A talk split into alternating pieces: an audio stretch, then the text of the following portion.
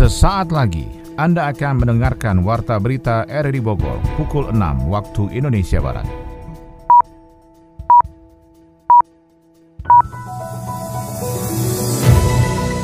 Selamat pagi dan salam jumpa. Kami kembali hadir dalam Warta Berita pagi ini Selasa 26 Desember 2023. Siaran ini juga dapat Anda dengarkan melalui audio streaming RRI Digital pada perangkat Android Anda, serta dapat Anda dengarkan kembali melalui podcast kami di Spotify, Anchor, Potel, dan juga Google Podcast. Berikut kami sampaikan berita utama. Warga binaan di Lapas Paledang Bogor merayakan Natal 2023 dengan kesederhanaan namun tidak mengurangi arti karena bisa berkumpul dengan keluarga.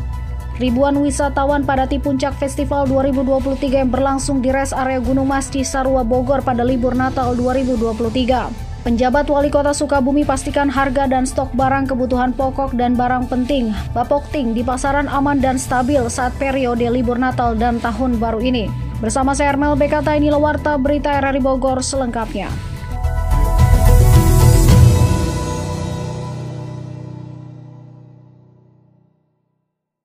Warga binaan di Lapas Paledang Bogor merayakan Natal 2023 dengan kesederhanaan namun tidak mengurangi arti karena bisa berkumpul dengan keluarga. Sony Agung Saputra melaporkan. Warga binaan di Lapas Paledang Bogor merayakan Natal 2023 dengan kesederhanaan namun tidak mengurangi arti karena bisa berkumpul dengan keluarga. Humas Lapas Paledang Bogor Ade Juansa menjelaskan, pembinaan yang dilakukan Lapas kelas 2 A Bogor khususnya untuk warga binaan yang beragama Nasrani yaitu dilaksanakan dengan pembinaan kerohanian agama Nasrani khusus di hari Natal. Warga binaan bisa menikmati malam Natal yang dilaksanakan secara serentak oleh lapas rutan se-Indonesia yang terpusat melalui online. Sedangkan saat pagi hari, Senin 25 Desember 2023 melakukan kunjungan keluarga tatap muka fungsinya untuk menjaga kesehatan mental warga binaan pemasyarakatan yang ada di lapas kelas 2A Bogor. Dalam perayaan Natal ini pun petugas melakukan penjagaan kepada warga binaan agar bisa tetap aman dan nyaman saat merayakan hari keagamaan berkumpul dengan keluarga. Sedangkan untuk remisi Natal, semua warga binaan yang beragama Nasrani ternyata belum memenuhi persyaratan sesuai aturan yang berlaku.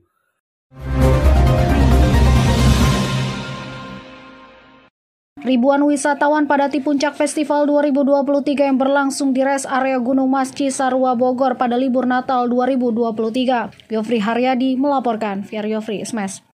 Ribuan wisatawan padati puncak festival 2023 di res area Gunung Mas Cisarua Bogor pada libur Natal 2023. Kegiatan yang berlangsung selama empat hari itu pun menjadi etalase pariwisata dan UMKM sekabupaten Bogor mendongkrak promosi pariwisata dan citra positif daerah. Mengingat ada 40 ribu wisatawan yang masuk ke kawasan puncak Bogor pada libur Natal hingga tahun baru 2024 nanti yang menjadi target promosi pariwisata tidak hanya puncak. Kepala Dinas Pariwisata dan Kebudayaan Kabupaten Bogor Yudi Santosa berharap melalui momen tersebut menjadi awal kebangkitan sanggar-sanggar seni budaya dan seni modern di Kabupaten Bogor. Uh, rest area ini adalah bagian yang tidak terpisahkan dari wisata puncak. Jadi nanti kita akan sama-sama melihat di sini itu kegiatan akan full. Walaupun hari ini masih dikelola Sayaga, nanti kita semua secara bergantian masyarakat yang datang ke sini tidak hanya sekedar parkir dan ngopi, tapi ada tampilan-tampilan budaya dan uh, pengembangan wisata.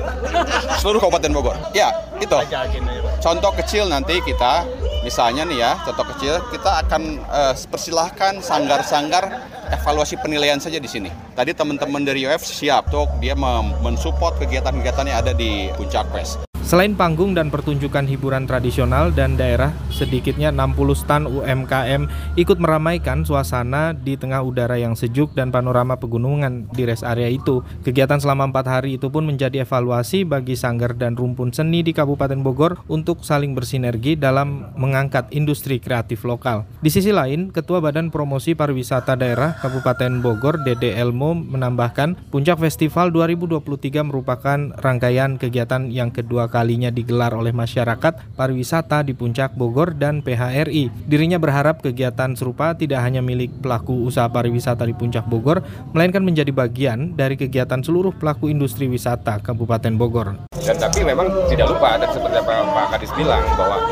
uh, BPPD ini tugasnya adalah satu Kabupaten Bogor, jadi kan Nah ini ini mungkin trip pertama kita kebetulan kita juga baru dilatih kemarin. Nah trip pertama kita kita coba uh, untuk membuat uh, apa namanya event ini. Dan mudah-mudahan event ini memang menjadi event tahunan yang uh, boleh dikatakan kalender tahunan gitu. Dipastikan jadi kalender event tahunan. Nanti mungkin kita kita akan di tempat yang lain ya, ya. gitu kan. Jadi satu kabupaten Bogor ini bisa ramai di pertengahan tahun uh, kita kita coba programkan untuk di tengah Meski belum dibuka secara resmi, rest area Gunung Mas memadukan wisata belanja dan wisata hiburan yang konsepnya akan dikembangkan mengikuti perkembangan zaman. Keberadaan rest area itu pun menjadi kantung parkir bagi wisatawan yang terjebak macet atau terdampak pemberlakuan satu arah atau one way oleh petugas. Penjabat Wali Kota Sukabumi pastikan harga dan stok barang kebutuhan pokok dan barang penting Bapokting di pasaran aman dan stabil saat periode libur Natal dan Tahun Baru ini. Adi Fajar melaporkan. Pejabat Wali Kota Sukabumi Kusmana Hartaji memastikan harga dan stok pangan di pasaran dalam kondisi yang stabil dan aman. Ia memastikan itu setelah melakukan kunjungan ke beberapa toko dan pasar selama libur Natal dan Tahun Baru ini. Kusmana mengatakan bahwa operasi pangan ini dilakukan untuk menjamin ketersediaan dan keamanan pangan saat Nataru. Empat pasar yang menjadi lokasi operasi gabungan adalah Pasar Pelita, Super Indo City Mall, Swalayan Jogja, dan Pasar Degung. Dalam operasi tersebut, Forkopimda Kota Sukabumi melakukan pengecekan terhadap ketersediaan bahan pangan seperti beras, daging, telur, dan sayur mayur. Kusmana menekankan bahwa seluruh komoditas di pasaran memiliki stok yang memadai selama musim libur Nataru ini. Alhamdulillah eh, dari empat subjek objek yang saya kunjungi beserta tim serta teman-teman dari eh, Forkopimda jadi Alhamdulillah untuk stok kebutuhan pangan yang merupakan kebutuhan mendasar bagi masyarakat kita terjamin ya. Dan insya Allah tadi beberapa eh, pertanyaan sudah saya sampaikan juga ke beberapa pedagang stok cukup memadai untuk eh, Nataru dan eh, Natal dan Tahun Baru ini. Bahkan dari hasil pemantauan Kusmana mengungkap bahwa sejumlah harga kebutuhan pokok telah menurun seiring dengan stok yang melimpah. Pemkot Sukabumi akan terus memonitor stok dan harga bahan kebutuhan pokok di pasaran agar tidak terjadi lonjakan tinggi di periode libur Nataru ini. Ya kelihatannya eh, beberapa harga malah menurun. Ya mudah-mudahan bisa stabil karena untuk uh, apa namanya pangan ini semakin hari saya perhatian kita semakin besar ya ini melakukan tugas dan pemerintah harus hadir mengetahui terus nanti kalau ada gejolak kan cepat mengantisipasi gitu apa yang harus kita lakukan. Tapi alhamdulillah kondisinya stabil ya Pak di beberapa pasar tradisional tadi juga ada pasar modern gitu. Bahkan beberapa untuk sayuran mah memang e, lebih stabil malah di lebih murah. Harganya memang di pasar tradisional. Pemerintah Kota Sukabumi pun telah menyiapkan opsi pasar murah jika memang harga bapokting melonjak untuk menjaga daya beli masyarakat. Hal itu dilakukan agar angka inflasi dapat dikendalikan sehingga tidak berdampak terhadap pertumbuhan ekonomi daerah. Pak, hmm. bentar lagi kan kita anniversary nih. Hmm. Liburan yuk. Boleh. Asik. Keluar negeri ya? Aduh, ngapain sih keluar negeri mah? Di Indonesia kan banyak tempat wisata. Kita kan belum pernah ke tempat yang keren-keren. Jadi bagus gitu loh, Pak, kalau posting di media sosial. Emangnya Mama mau wisata ke mana sih? Mau ke pantai? Mau. Itu adalah Labuan Bajo tuh, dijuluki kota seribu sunset. Kalau misalnya mama mau ke cagar alam eksotis, nggak usah jauh-jauh ke Afrika. Kita ke Savana Bekol aja di situ Bondo, yang jadi bagian dari Taman Nasional Baluran. Atau misalnya nih, hmm. mama mau trekking kayak tembok besar Cina gitu. Ada. Ada. Namanya Janjang Koto Gadang, yang punya julukan The Great Wall-nya Sumatera Barat. Oh, ternyata seru juga ya keliling Indonesia ya. Kapan nih kita berangkatnya? Cinta Indonesia bukan cuma mengenal budaya dan keseniannya saja, tapi juga ikut berkontribusi memajukan pariwisatanya. Liburan di Indonesia aja. Anda tengah mendengarkan Warta Berita RRI Bogor. Libur Nataru Polres Metro Depok buka layanan penitipan kendaraan bagi warga yang hendak mudik pada libur Nataru tahun ini. Adi Fajar melaporkan.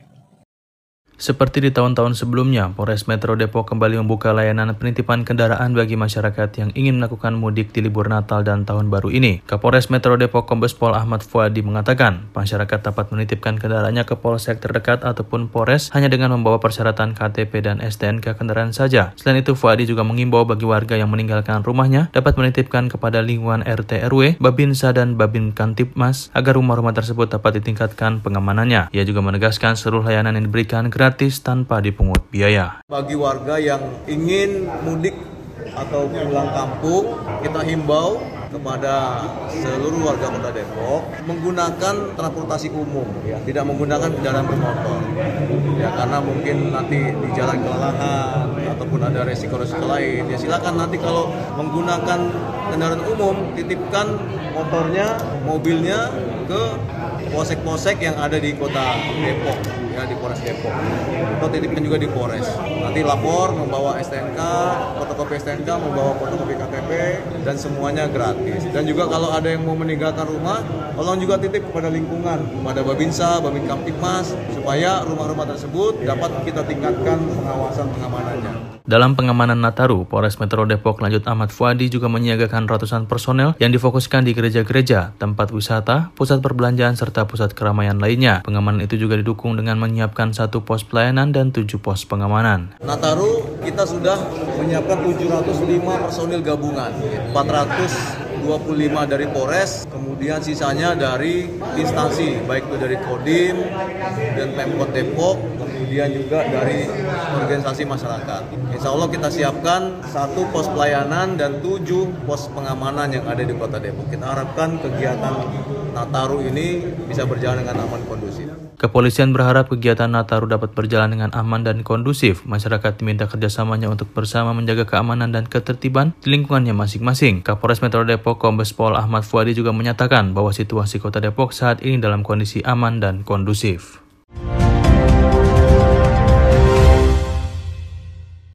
Jumlah penumpang stasiun Bogor pada arus liburan Natal relatif lebih sepi pada hari Senin 25 Desember 2023. Kondisi berbeda terjadi pada hari Minggu 24 Desember 2023 di mana terjadi lonjakan dan kepadatan penumpang sekitar pukul 14.30 waktu Indonesia Barat di stasiun Bogor. Petugas stasiun kereta api Bogor Endarno mengatakan tercatat ada belasan ribu penumpang turun di stasiun Bogor pada momen libur Natal 2023. Menurut Endarno, jumlah yang tercatat pada hari Senin masih terbilang landai dibandingkan pada hari Minggu. Di hari Minggu tercatat ada sekitar 22 ribu orang yang masuk ke kota Bogor melalui stasiun Bogor. Sebagian penumpang KRL tujuan stasiun Bogor merupakan wisatawan yang sengaja berlibur ke alun-alun kota Bogor. Mereka sengaja memanfaatkan alun-alun kota Bogor sebagai lokasi tujuan wisata saat momen libur Natal. Terlebih saat ini pintu akses masuk stasiun Bogor bisa tembus ke alun-alun kota Bogor. Berita Ekonomi Menteri Koordinator Bidang Perekonomian Airlangga Hartarto mengaku telah meminta kepada Presiden Joko Widodo untuk melanjutkan program bantuan langsung tunai BLTL Nino hingga tahun depan. Perekonomian Inggris semakin mendekati resesi. Berdasarkan data yang dirilis oleh Kantor Statistik Nasional ONS pada hari Jumat 22 Desember, produk domestik bruto dari negara tersebut mengalami kontraksi 0,1 persen selama Juli hingga September. Selengkapnya disampaikan oleh Adi Fajar Nugraha. Menko Perekonomian Erlangga Hartarto mengaku telah meminta kepada Presiden Jokowi untuk melanjutkan program bantuan langsung tunai atau BLT El Nino hingga tahun depan. Erlangga mengklaim pihaknya telah terjun untuk mengecek kondisi di lapangan. Ia menjaring suara keluarga penerima manfaat atau KPM demi mengetahui apakah program ini sudah tepat sasaran dan masih perlu dilanjutkan.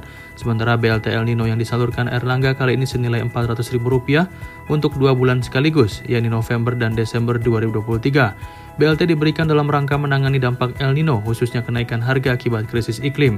Bantuan ini diberikan untuk 18,8 juta KPM dan total anggaran untuk bantuan ini mencapai 7,52 triliun rupiah. Khusus di daerah istimewa Yogyakarta, Erlangga mengatakan tercatat 85% BLT tersalurkan kepada KPM. Pemerintah berkomitmen untuk terus melakukan perbaikan data, sehingga pengiriman bantuan tepat sasaran dan perbaikan data tidak meleset dari sasaran. Selain BLT El Nino, pemerintah turut memberikan sejumlah bantuan sosial lainnya seperti program Keluarga Harapan atau PKH hingga bantuan pangan berupa pemberian beras 10 kg.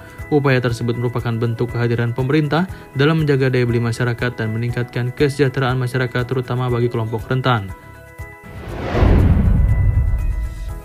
Perekonomian Inggris semakin mendekati resesi. Berdasarkan data yang dirilis oleh Kantor Statistik Nasional, pada Jumat 22 Desember 2023, produk domestik bruto atau PDB negara tersebut mengalami kontraksi sebesar 0,1 persen selama Juli hingga September. Penurunan ini terjadi setelah Menteri Keuangan Jeremy Hunt menurunkan suku bunga untuk meningkatkan perekonomian. Namun Gubernur Bank of England, Andrew Bailey, bersikeras bahwa suku bunga mungkin perlu tetap lebih tinggi dalam jangka waktu yang lebih lama. Sebelumnya Bank of England telah mempertahankan suku bunga tetap di angka 5,25 persen. Angka ini mencapai level tertingginya dalam 15 tahun terakhir. Menanggapi revisi suku bunga tersebut, Han menegaskan bahwa prospek perekonomian Inggris jauh lebih optimis. Adapun perkiraan sebelumnya perekonomian Inggris tidak mengalami perubahan dalam tiga bulan sebelumnya. Pada PDB kuartal 2 tahun ini juga tidak berubah, turun dari perkiraan sebelumnya sebesar 0,2 persen. Di sisi lain, Kepala Penelitian Bunga tetap di Quilter Sivoid Richard Carter mengatakan tidak ada jaminan resesi terhindar pada tahun 2024 jika pertumbuhan masih lemah dan suku bunga yang tinggi meskipun saat ini berhasil bertahan dari resesi. Sementara itu, Perdana Menteri Inggris telah menjadikan pertumbuhan ekonomi sebagai salah satu janji utamanya di tahun ini. Penurunan suku bunga ini akan menjadi kemenangan bagi pemerintah Sunak seiring Inggris memasuki tahun pemilu.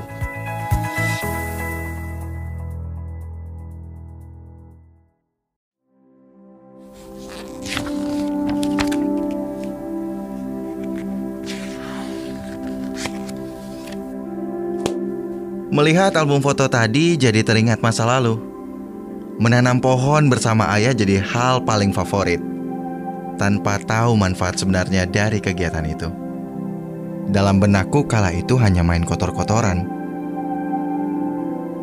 Dan sekarang aku tahu betapa bermanfaatnya pohon itu. Dengan oksigennya, mampu menunjang kehidupan dua orang manusia. Terima kasih, Ayah.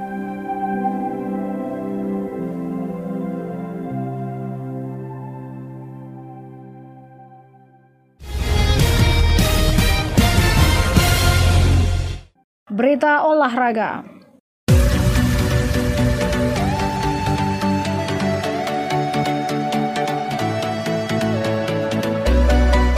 Hasil manis kembali dipetik tim bola basket putra Kota Bogor setelah tampil sempurna di babak penyisihan target mereka untuk menjadi juara akhirnya terwujud. Tim besutan Rian Adu Putra menjadi kampion setelah mengalahkan Kabupaten Bogor 6756 pada laga final Bupati Cup 2023 di gelanggang olahraga Gor Laga Tangkas Pakansari Cibinong akhir pekan kemarin. Hasil tersebut membuat skuad Kota Bogor tampil sempurna sejak awal. Patrick dan kawan-kawan berhasil meraih empat kemenangan secara beruntun. Pelatih Rian Adi Putra mengatakan laga berjalan sesuai rencana. Ia pun mengaku puas dengan hasil tersebut.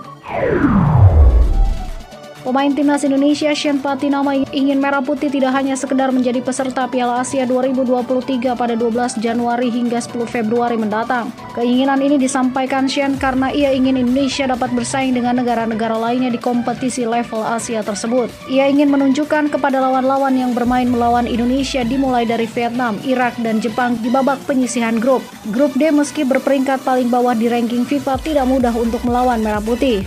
Shen merupakan salah satu pemain Indonesia Indonesia mendapatkan kewarganegaraannya melalui proses naturalisasi dan resmi menjadi warga negara Indonesia usai mengucap sumpah janji pewarganegaraan di tanggal 24 Januari silam. Sejak menjadi WNI, pesepak bola 25 tahun itu tercatat telah lima kali membela timnas Indonesia di berbagai ajang, termasuk debutnya bersama Kala melawan juara dunia Argentina pada FIFA Matchday pada 16 Juni.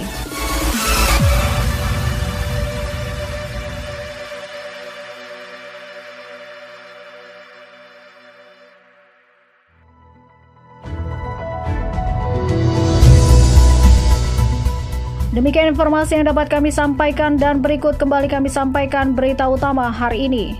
Warga binaan di Lapas Paledang Bogor merayakan Natal 2023 dengan kesederhanaan namun tidak mengurangi arti karena bisa berkumpul dengan keluarga. Ribuan wisatawan pada Puncak Festival 2023 yang berlangsung di res area Gunung Mas Cisarua Bogor pada libur Natal 2023. Penjabat Wali Kota Sukabumi pastikan harga dan stok barang kebutuhan pokok dan barang penting Bapokting di pasaran aman dan stabil saat periode libur Natal dan Tahun Baru ini. Saudara siaran ini dapat Anda dengarkan kembali melalui podcast kami di Spotify, Anchor, Potel, dan juga Google Podcast. Mewakili kerabat kerja bertugas hari ini, saya Armel Bekata mengucapkan terima kasih dan selamat pagi.